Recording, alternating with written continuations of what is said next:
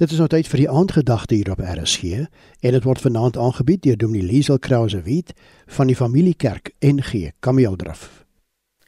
Ek onthou 'n gesprek wat ek 'n paar jaar gelede met 'n nie-gelowige man gehad het. Dit was vir hierdie man onverstaanbaar dat Christene 'n God aanbid wat sterf aan 'n kruis. What kind of God dies on a cross? was sy woorde aan my.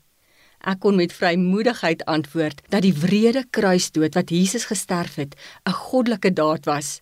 Net die lewende en ware God sal bereid wees om die soort vernedering en lyding deur te gaan om sodoende sy verhouding met die mens, sy skepsels, te herstel. Jesus se verhaal eindig beslis ook nie aan 'n kruis nie. Hy het opgestaan uit die dood.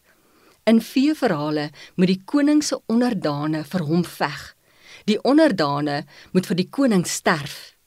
In Jesus se verhaal sterf die koning van alle konings vir mense.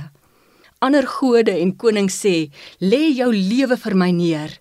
Jesus sê, "Ek lê my lewe vir jou neer." Jesus is so waar die gans andere. Hy word nie in 'n paleis soos 'n koning gebore nie.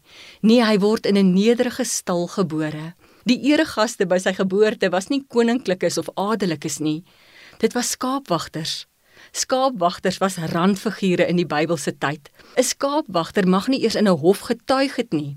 Hulle het vir weke in die oop veld gebly en dit nie altyd baie lekker geruik nie. Hulle was beslis nie bo aan die sosiale ranglys nie. Maar God kies skaapwagters om die eregaste by Jesus se geboorte te wees. Die lewende God dra 'n doringkroon, nie 'n kroon van goud en diamante nie. Hy sterf aan 'n kruis vir my en jou. Jesus was stroom op. Hy was radikaal. Hy het die godsdienstige leiers van sy dag met ander woorde, die predikante en kerkmense van sy dag baie kwaad gemaak. Hy volg nie hul mensgemaakte wette en reëls nie.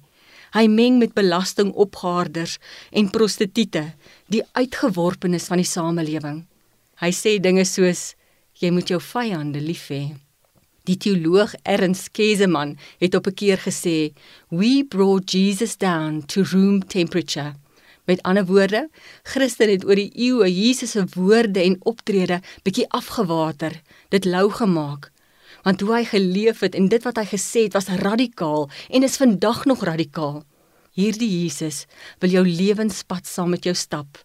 'n lewe saam met hom is 'n opwindende avontuur. In Johannes 3 beloof God dat ons die hemel sal beerwe wanneer ons in hom glo. Ek lees dit graag vir jou. God het die wêreld so liefgehad dat hy sy enigste seun gegee het sodat die wat in hom glo nie verlore sal gaan nie, maar die ewige lewe sal hê. Ek nooi jou uit om sommer nou jou hele lewe aan hom te wy. Die aandgedagte hierop RSG is aangebied deur Dominee Liesel Krause Wit van die Familiekerk NG Kameeldraf.